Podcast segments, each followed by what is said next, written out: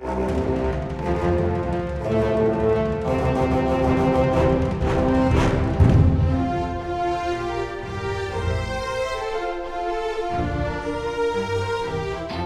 til Frankrike forklart, en podkast der du får svar på alt du lurer på om Frankrike.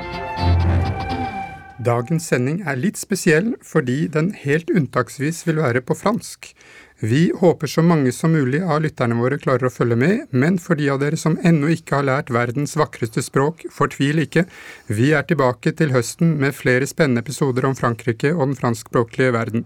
På norsk. Men nå altså over til Molières språk.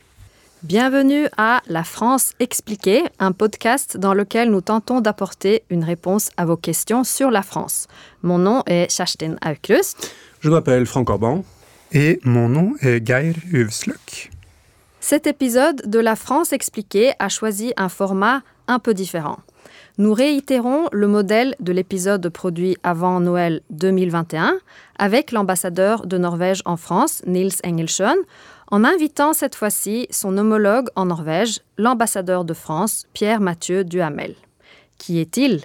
Comment a-t-il rejoint le corps diplomatique? Et quelles réflexions nourrit-il à propos de la relation bilatérale franco-norvégienne? Pour la première fois en plus de deux ans d'existence de notre podcast, cet épisode sera entièrement en français. Pierre-Mathieu Duhamel a été nommé ambassadeur en Norvège le 1er février 2019 en remplacement de son prédécesseur Jean-François Dobel.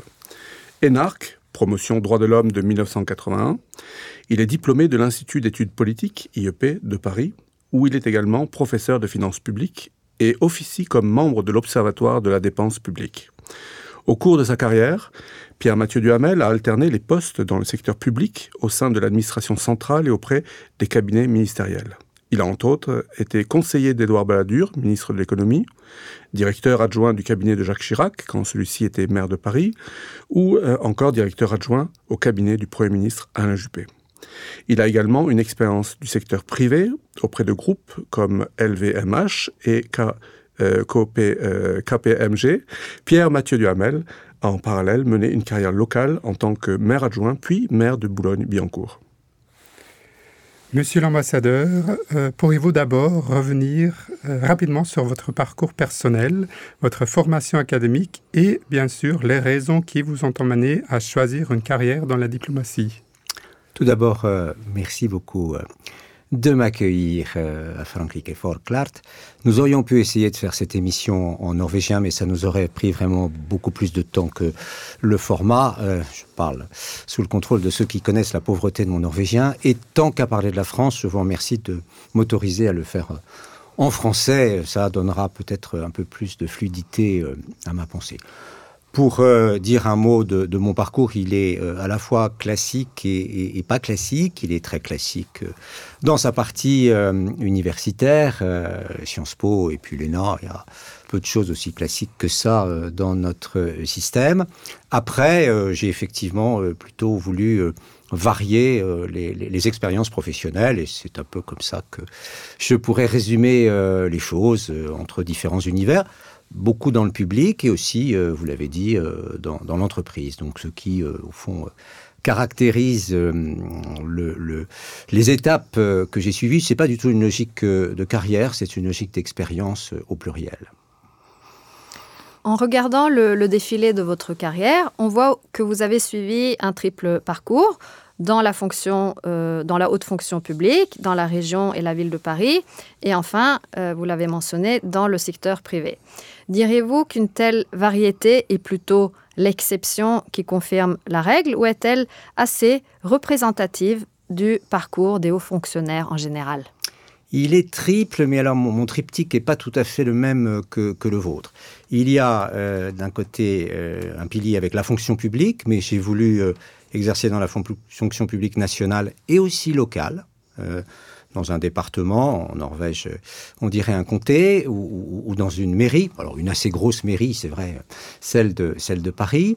Euh, j'ai souhaité avoir des expériences dans le secteur privé, donc dans l'entreprise, et c'est le deuxième pilier.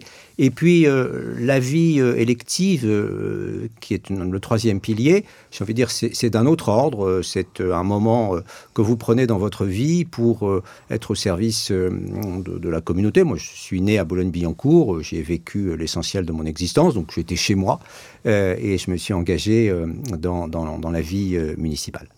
Pour répondre à votre question, non, ce n'est pas très typique. Euh, c'est même franchement atypique euh, euh, par rapport à des parcours qui se passent davantage, et, c'est très bien ainsi, de manière plus linéaire ou, dans un seul univers. J'ai probablement été un peu plus instable que la moyenne au cours de ma vie professionnelle. Alors, euh, vous venez, euh, on vient juste de parler de parcours, atypique. Si on reprend la, partie universitaire, la, partie académique, vous êtes sorti de la, promotion droits de l'homme de l'École nationale d'administration en 1981. Euh, et avec le recul, et en prenant en compte le fait que le gouvernement a désormais décidé de démanteler cette, haute école, Qu'est-ce que vous pourriez dire sur ces années passées donc à l'ENA? Qu'est-ce qu'elles vous ont apporté en tant formation académique. Euh, euh, et euh, qu'est-ce que vous pensez de la décision qui a été prise par le, gouvernement de, dissoudre cette, cette, école, de la remplacer par une nouvelle structure Quelles sont, d'après vous, les motivations et quel est l'intérêt Quelle serait la perte et, le profit de cette décision? Il faut bien avoir présent à l'esprit que, l'ENA n'est pas une université ou n'est pas principalement centrée sur des enjeux académiques. C'est une école professionnelle. Et ma formation académique, c'est à Sciences Po, je la dois. Et, c'est euh, en réalité, pendant les années euh, passées à l'Institut d'études politiques de Paris, que l'on acquiert euh, la curiosité, le savoir, et je l'espère, même si, comme chacun sait, on a tout oublié au bout d'un certain temps, les, connaissances qui vont vous servir. L'ENA était davantage tournée vers le fait de vous préparer à l'exercice euh, d'un métier et à vous mettre d'emblée dans des situations qui ressemblent à des situations réelles et, opérationnelles. Alors, pour ce qui est de, la réforme récente, euh, je crois qu'il faut euh, bien la, mesurer pour ce qu'elle est. Elle fait disparaître la marque ENA, qui a beaucoup fait parler d'elle, et, au fond qui portait une charge très positive pour les uns, très négative pour les autres, qui avait fini par occulter l'essentiel, c'est-à-dire à, quoi servait euh, cet organisme, quelle était sa, vocation. Et on le remplace par un Institut national du service public qui va, euh, peut-être de manière plus large qu'avant, proposer euh, une formation, une préparation à la vie professionnelle, j'allais dire, à, davantage, au fond, de fonctionnaires que ce n'était le cas avec la logique précédente de l'ENA. Donc j'y vois une transformation, j'y vois une évolution, je n'y vois pas une révolution pour euh, tout vous dire. Alors on en jugera mieux euh, dans la durée, parce que tout ça euh, va juste est en train de, commencer. Il faudra un peu de recul, mais mon sentiment est qu'on assiste tout simplement après. L'ENA a été créé, comme vous le savez, en 1945. Donc, après une durée significative, à, une adaptation des outils de formation de, la fonction publique française à l'état du monde tel qu'il est aujourd'hui et qui n'est plus exactement celui que nous avons connu à la sortie de la guerre. Est-ce que vous pensez justement que la, volonté qui avait été affichée de démocratiser donc euh, notamment l'entrée euh, dans cette, haute école, quand on voit les chiffres sur euh, le nombre de personnes ayant accès à cette, à cette haute école qui provenaient des milieux défavorisés ou moins favorisés, on s'aperçoit qu'on était vraiment dans une toute petite minorité. Est-ce que, est, que ces nouvelles mesures permettront d'ouvrir davantage euh, cette nouvelle euh, école et permettront à d'autres personnes avec un background un peu différent, social différent, de faire leur preuve? C'est l'ambition aussi de la réforme que d'implanter, comme vous le savez, des préparations euh, à ce nouveau dispositif de l'Institut du service public, beaucoup plus décentralisé, euh, beaucoup plus facile d'accès dans un certain nombre de, villes euh, dans les régions. Et évidemment, là aussi, euh, c'est au résultat qu'on appréciera l'efficacité du, dispositif. En même temps, moi, je suis toujours un peu nuancé sur ces questions parce qu'on on apprécie toujours ce sujet sur une génération. C'est un peu court. Euh, euh, quand on veut s'intéresser à la question de la mobilité sociale, euh, ne juger que sur le passage d'une génération à une autre, c'est un critère, mais c'est pas le seul. Et si on prend les choses avec un peu plus de profondeur, et qu'on remonte sur deux ou trois générations, en ce qui me concerne, mes grands-parents étaient, pour l'un d'entre eux, cultivateurs et mes deux grand-mères étaient institutrices. Alors on va dire c'est déjà très bien parce qu'on est dans le domaine du savoir. Si on remonte à la génération d'avant, ils clouaient des planches. Bon, donc, et, je ne dis pas que ça marche comme ça pour tout le monde, je sais très bien que ce n'est pas le cas. Mais c'est juste pour que aussi on ait un peu de nuance sur ces sujets et qu'on n'applique pas la brutalité des statistiques euh, sans euh, discernement. Très bien. Euh, donc, on a parlé un peu de la formation politique. Maintenant, on va passer à l'exercice de pouvoir. comme Franck l'a dit au début, vous avez été directeur adjoint du cabinet du Premier ministre Alain Juppé au tout début du septennat de Jacques Chirac. Et quel souvenir vous a laissé ce passage au plus près du cœur de pouvoir? Et que pouvez-vous nous dire sur l'exercice de pouvoir dans le cadre du système politique français? Alors ça m'a laissé un souvenir intense et, épuisant. Certainement euh, la période de l'existence euh, euh, qui m'a le, plus exténué euh, de toutes celles que, j'ai connues et sans commune mesure avec des responsabilités administratives, par ailleurs le cas échéant lourdes que, j'ai pu avoir à, cause du rythme en, en fait que cela, que cela représente. Et donc pour tout vous dire, mon, souvenir est, extraordinairement limité à trois espaces, mon bureau, la voiture et ma chambre. C'est à peu près les seuls lieux dont je dont, je me souviens. Mais ça, c'est un peu pour l'anecdote. Et je crois que tous ceux qui sont passés par là euh, ont à peu près le même. Après, euh, il y a bien sûr euh, la passion et l'intérêt des choses que l'on fait en étant auprès de ceux qui, décident, en l'occurrence le Premier ministre, et, et, en couple dans le fonctionnement de la Ve République avec le Président de la République. Et on essaye, j'ai envie de vous dire, mais, mais, mais c'est euh, ce que chacun euh, essaye de faire tous les jours, partout euh, où il est, de donner le meilleur de soi-même avec le maximum d'intensité pendant la période où on a, on a ses responsabilités. On a à Matignon, euh, c'est sans doute toujours vrai, parce que nous parlons là d'une période qui est maintenant ancienne, euh, pas tout à fait 30 ans, mais bientôt, euh, un peu le sentiment d'être bombardé en réalité par l'information, par les contraintes, par la multiplication des fronts sur lesquels il faut en permanence agir et réagir. Et je pense que c'est encore plus difficile aujourd'hui. Euh, parce qu'il y a des phénomènes d'accélération qui se produisent dans les opinions, dans le traitement de l'information, euh, qui fait qu'il doit être devenu encore plus difficile d'avoir de la distance euh, par rapport au, sujet que l'on a à traiter, aux conseils que l'on a à donner, aux situations que l'on rencontre. Voilà. Donc le mot d'intensité, je crois, est celui qui décrit le mieux le souvenir que j'en ai. Vous avez eu votre affectation en tant qu'ambassadeur en Norvège en février 2019. Avant de parler de celle-ci, pourriez-vous nous expliquer comment la décision présidentielle de supprimer le corps diplomatique est reçue dans les couloirs du Quai d'Orsay, c'est-à-dire le ministère des Affaires étrangères? On a du mal à comprendre sa portée ici à l'étranger. Que signifie-t-elle pour la pratique diplomatique française? D'abord, peut-être un, mot de, de précaution. Je suis sans doute le plus mal placé euh, euh, pour vous en parler, puisque précisément, euh, je suis dans une situation qui ne fait pas de moi un diplomate de carrière et je n'appartiens pas aux corps qui ont fait l'objet de, la décision que, que, vous évoquez.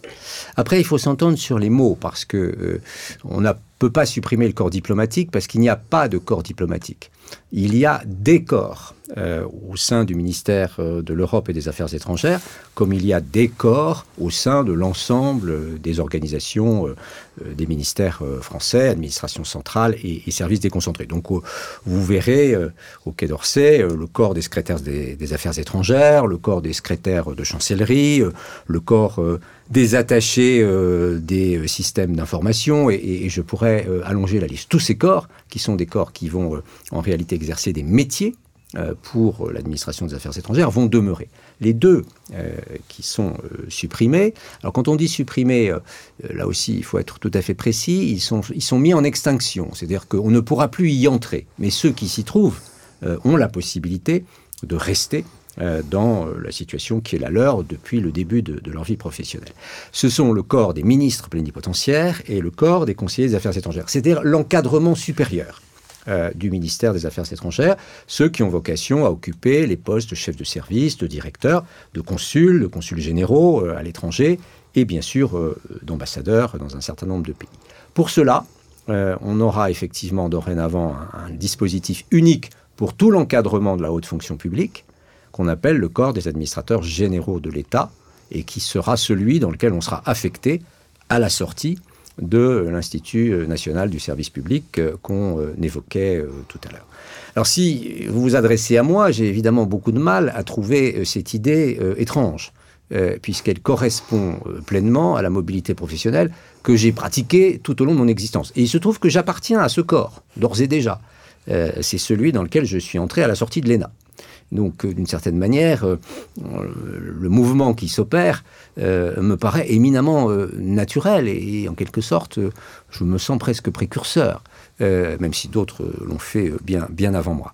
Maintenant, par rapport aux traditions d'un ministère avec une forte culture interne, euh, il est évident que, ce changement euh, peut euh, créer un minimum de, difficultés ou, de questionnements.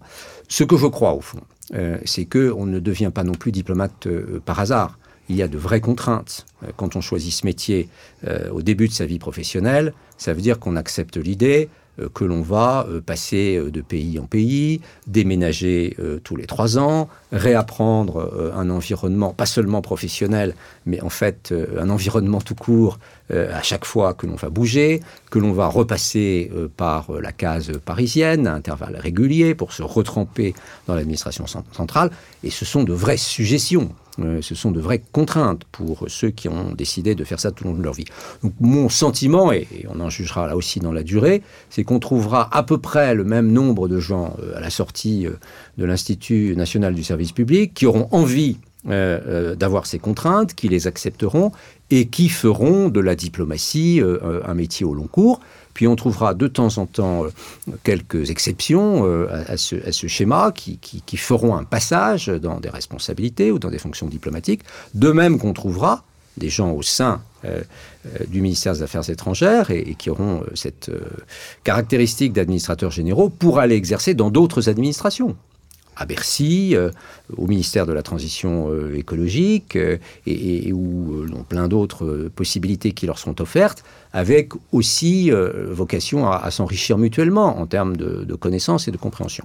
Moi, je, n'ai jamais regretté de passer d'un endroit à l'autre, parce que chaque fois que je l'ai fait, j'ai mieux compris, lorsque je suis retourné dans des fonctions d'une autre nature, le point de vue de ceux à qui j'avais affaire.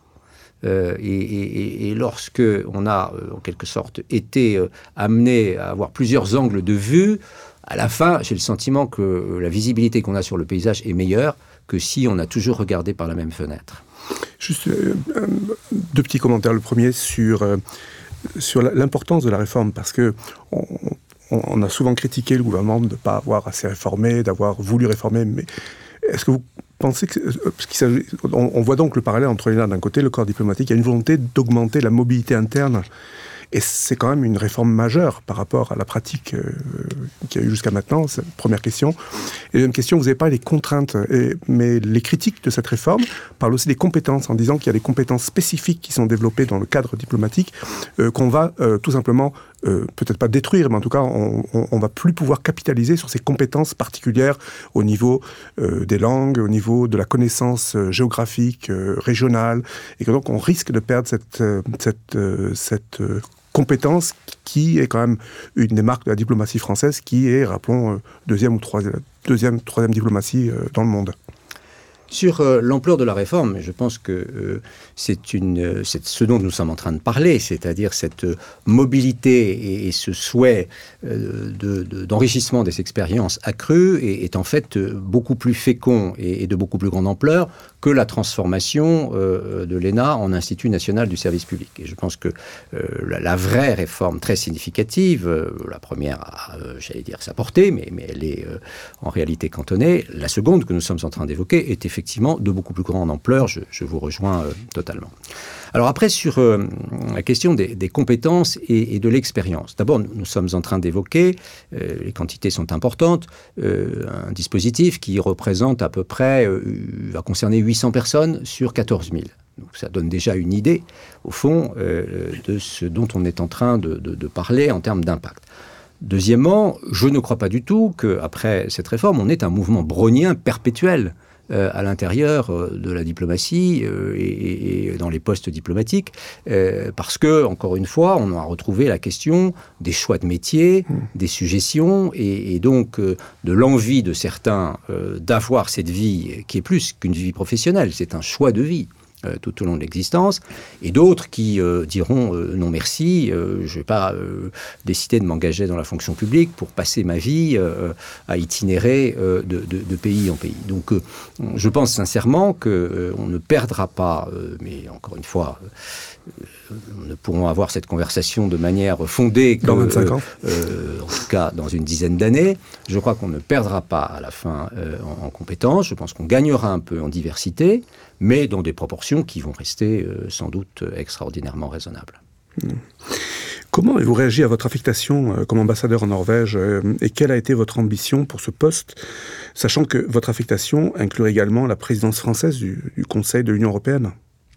D'abord, j'ai été euh, au fond très heureux d'être euh, conduit à euh, prendre une destination dont, je dois vous le dire en toute candeur, j'ignorais à peu près tout.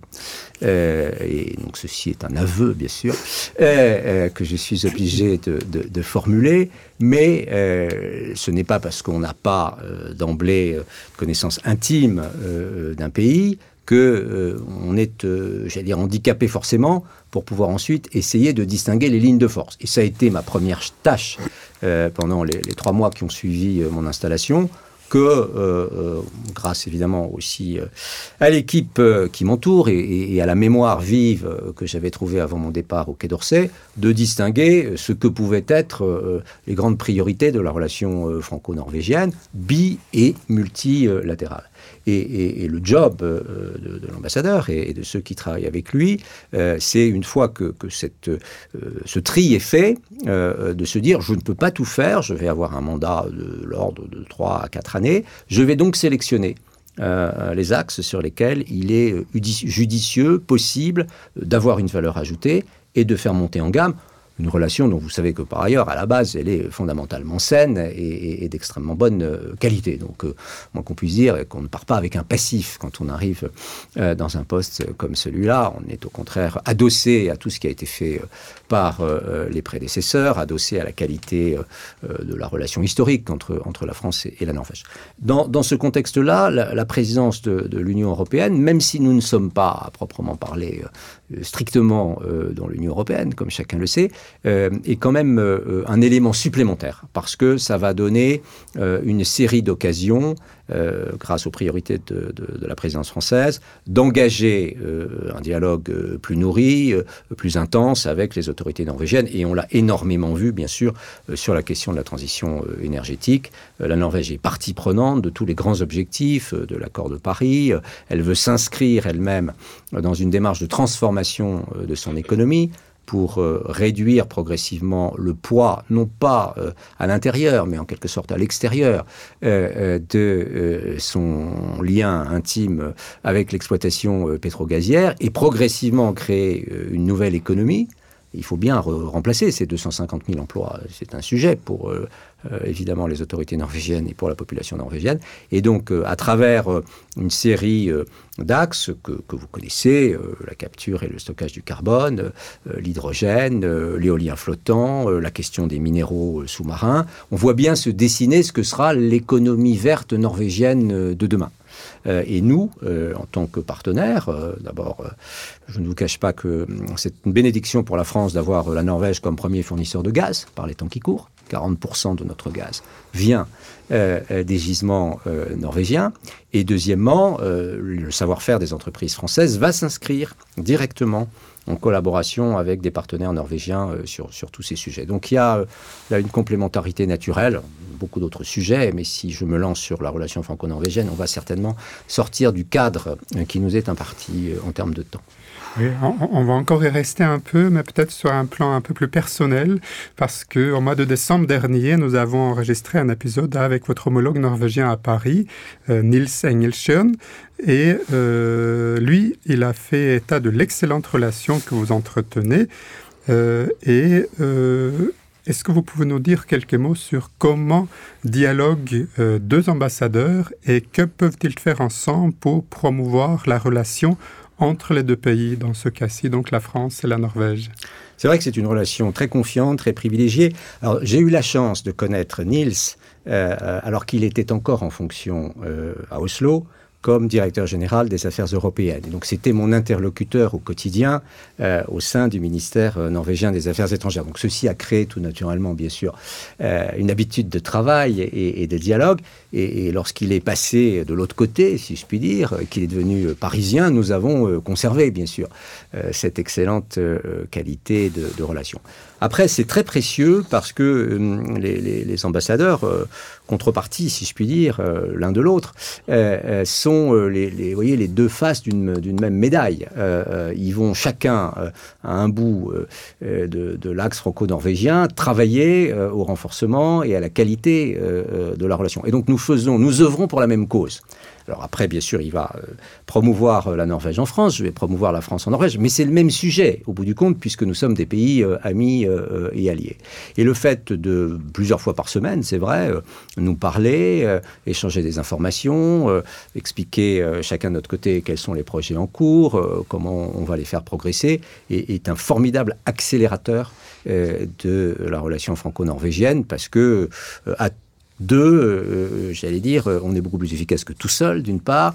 Euh, nous avons une connaissance respective de nos administrations d'origine. et donc, on s'aide mutuellement aussi à se frayer un chemin dans, le paysage. Et, tout ceci, encore une fois, pour une cause qui nous est totalement commune. La France et la Norvège sont confrontées à une brusque montée de, de tensions dans les relations internationales du fait de l'invasion russe de l'Ukraine. Une traduction tangible de cette tension, c'est l'entrée probable dans l'OTAN des voisins, des voisins immédiats de la Norvège, à savoir la Finlande et la Suède. Quel serait, à votre avis, l'impact d'une telle évolution sur la présence stratégique de la France en Europe du Nord?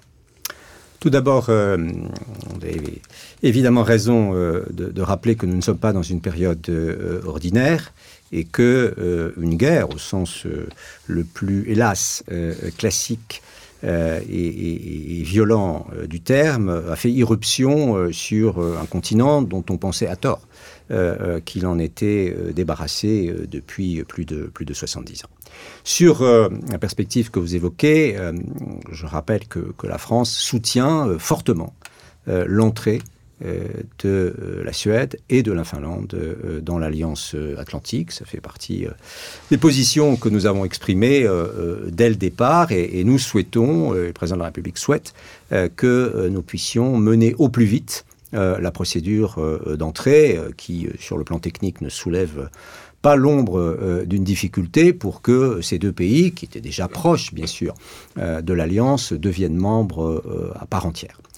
Quand on regarde un peu la, géographie euh, nordique, euh, on voit bien en plus à quel point euh, il y a une forte complémentarité. la Norvège regarde tout naturellement vers l'océan et, vers l'Atlantique. traditionnellement, la Suède et la Finlande regardent plus vers le continent. Euh, et donc le fait euh, d'articuler, euh, il y a déjà bien sûr des accords spécifiques de défense, Nordefco, qui, qui relient les pays nordiques entre eux, mais le fait de les articuler à l'intérieur d'une même organisation, avec son niveau de standardisation, d'interopérabilité, de coordination, va donner beaucoup plus d'efficacité à la défense de la partie nord de l'Europe. Et je pense que les, pays concernés, donc Danemark et, Norvège, qui vont les accueillir, vont trouver là aussi une formidable accélération dans leur capacité de, coopérer au plan militaire, même si déjà les, liens, les liens sont très forts. Donc à tous égards, dans une Europe qui a été secouée par les événements que vous évoquez, qu'il est toujours, dans une Europe où, la question de la sécurité collective se pose avec beaucoup plus d'acuité qu'au cours des 30 dernières années, c'est évidemment une, nécessité, c'est une nécessité pour le, en quelque sorte le flanc nord euh, euh, de l'OTAN et c'est une nécessité pour, euh, pour tous les alliés. Bien. Revenons quelques instants sur la, politique intérieure. On a parlé de, de thématiques externes. Cet entretien, il a été réalisé le 14 juin 2022, donc c'est-à-dire à, mi-chemin entre les deux tours des élections législatives. Et ça rend tout commentaire sur cette élection un peu aléatoire. Donc, on peut par contre plus facilement revenir sur les enseignements de l'élection présidentielle qui ont donc eu lieu au mois d'avril. Euh, quelles sont, vous, les, leçons que vous avez tirées de ce, ce scrutin? Euh, Qu'indique euh, ce, résultat? Qu'est-ce qu'il indique sur l'état de la France et du rapport entre les électeurs et les, et les, gouvernants, et les gouvernants? Je rajoute qu'on a parlé d'une d'un changement de structure du système politique français avec, une structure en trois blocs, un bloc radical de gauche, un bloc radical de, droite et un bloc centriste. Euh, est-ce que, vous, est que vous pensez que cette nouvelle manière de présenter le système politique français sera pérenne ou est-ce qu'on est toujours dans une période de transition? D'abord, euh, en principe, les ambassadeurs ne sont pas censés euh, faire de commentaires euh, sur euh, la politique intérieure. Donc je vais m'en tenir à, des considérations un peu institutionnelles, si, si vous voulez bien. Ce que, ce que je retiens d'abord de, l'élection présidentielle française, peut-être à rebours de certains commentaires que j'ai entendus, c'est d'abord que les Français ont, une bonne compréhension des institutions.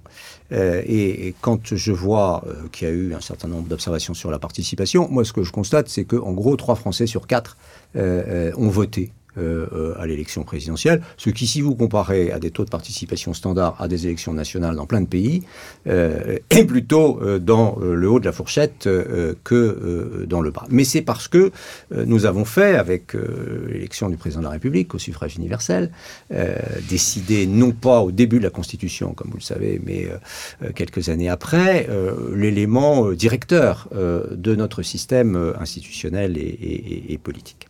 Deuxième chose que je note, parce que c'est euh, là aussi euh, factuel, c'est que euh, le président de la République sortant a été réélu avec 58% des voix, pas un score totalement insignifiant, et que c'est la première fois depuis le début de la Ve République qu'un président en exercice ayant la plénitude du pouvoir, c'est-à-dire n'étant pas en situation de cohabitation, est euh, euh, réélu euh, et se succède à lui-même. Ça n'était jamais arrivé. Donc, à cet égard, j'ai envie de dire, on peut naturellement après avoir plein d'autres observations que celles que je viens de faire, mais il faut de temps en temps rappeler quelques éléments de, stabilité ou, de, fondamentaux quant à nos institutions.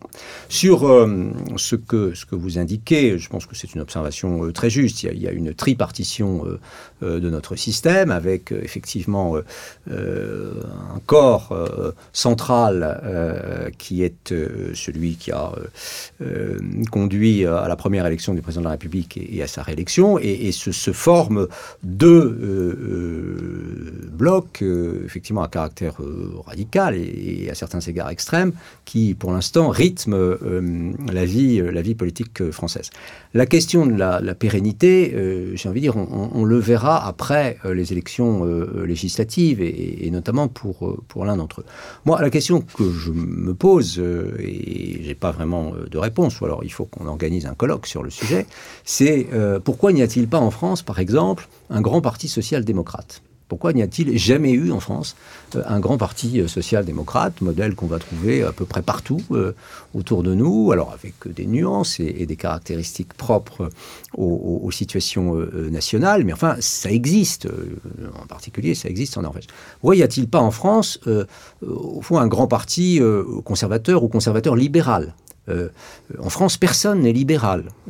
personne ne se revendique, en tout cas, euh, de cette étiquette, sauf si vous êtes médecin. Euh, euh, auquel cas. Ou, Madelin, mais ça fait mais, mais, mais, mais ce sont des exceptions qui n'ont pas forcément fait Flores. Donc voilà, je, je, pose ces questions, je me garde bien d'y répondre, mais pourquoi n'a-t-on pas une structuration de la vie politique française qui soit, grosso modo, au standard euh, de ce que l'on trouve tout autour de nous. Parce que quand on regarde les autres fondamentaux, j'aime beaucoup comparer la France et la Norvège, bah, je constate par exemple que le niveau de protection sociale en France et en Norvège ne sont pas si différents que cela. Je constate que le niveau de la redistribution en France et en Norvège ne sont pas si différents que cela. Je constate que le niveau de la dépense publique et, de l'argent consacré aux services publics ne sont pas si différents que cela. Pourquoi est-ce que ça aboutit euh, à des paysages euh, qui, sur le plan euh, politique, sont aussi, malgré tout, contrastés C'est une question qui, mériterait sans doute plusieurs podcasts. Oui nous aurions pu parler pendant des heures sur le, système politique français et norvégien, bien sûr, mais nous arrivons malheureusement au terme de cet entretien. Euh, donc il nous reste à remercier chaleureusement Pierre-Mathieu Duhamel, ambassadeur de France en Norvège, pour sa participation à notre podcast. Mais avant de nous quitter, nous voudrions, avoir de votre part, euh, monsieur l'ambassadeur, une recommandation française ou francophone pour nos auditeurs. Cela peut être un livre, un film, une chanson ou encore autre chose. Alors j'ai euh, décidé de vous recommander ce que je suis en train de lire en ce moment même. C'était le choix de, la simplicité. Euh, je suis en train de lire un, ouvrage qui s'appelle euh, Comment cuire un ours.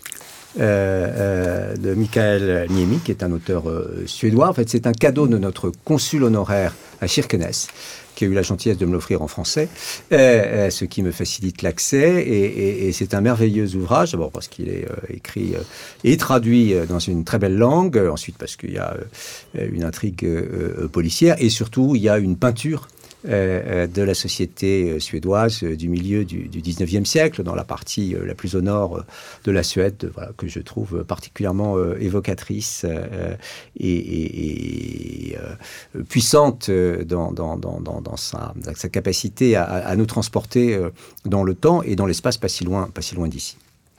Merci beaucoup. Du coup, nous pouvons aussi, en passant, rendre honneur aux, traducteurs, justement, qui font passer euh, les connaissances culturelles entre nos pays nordiques et la France et d'autres régions du monde, bien sûr. Euh, Franck, est-ce que toi aussi, tu as une recommandation? Oui, Guerre. D'ailleurs, en, parlant de traducteurs, on a, on a fait un épisode de, podcast il n'y a pas si longtemps sur les traducteurs, euh, donc euh, nos auditeurs pourront se reporter à cet épisode-là.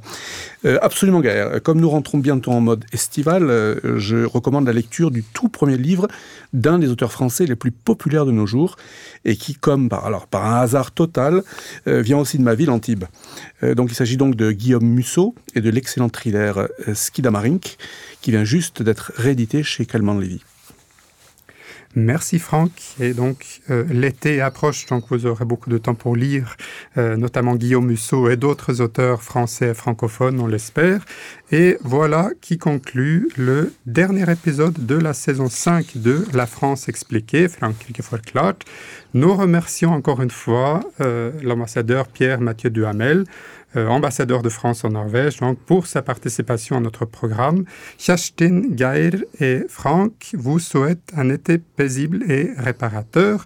Nous allons faire une pause jusqu'à l'automne. Vous retrouverez entre-temps tous nos épisodes, chroniques et recommandations sur notre site internet et notre page Facebook. Bon été à toutes et à tous et à bientôt. Frankrike forklart er et samarbeid mellom Universitetet i Oslo og Høgskolen i Østfold. Podkasten er støttet av Det norske universitetssenteret i Paris og Institut Francais i Oslo og har full redaksjonell frihet. Abonner på Frankrike forklart på iTunes, Spotify eller på andre plattformer der du lytter til podkast. Har du kommentarer til oss eller forslag til temaer vi bør ta opp, kan du sende inn det via vår Facebook-side Frankrike forklart. Alle dagens referanser ligger på denne Facebook-siden og på nettsiden vår. Vi skriver en kronikk i forbindelse med hver episode som belyser dagens tema fra en litt annen vinkel. Kronikken finner dere på forskning.no, Transitmagasin og på nettsiden vår.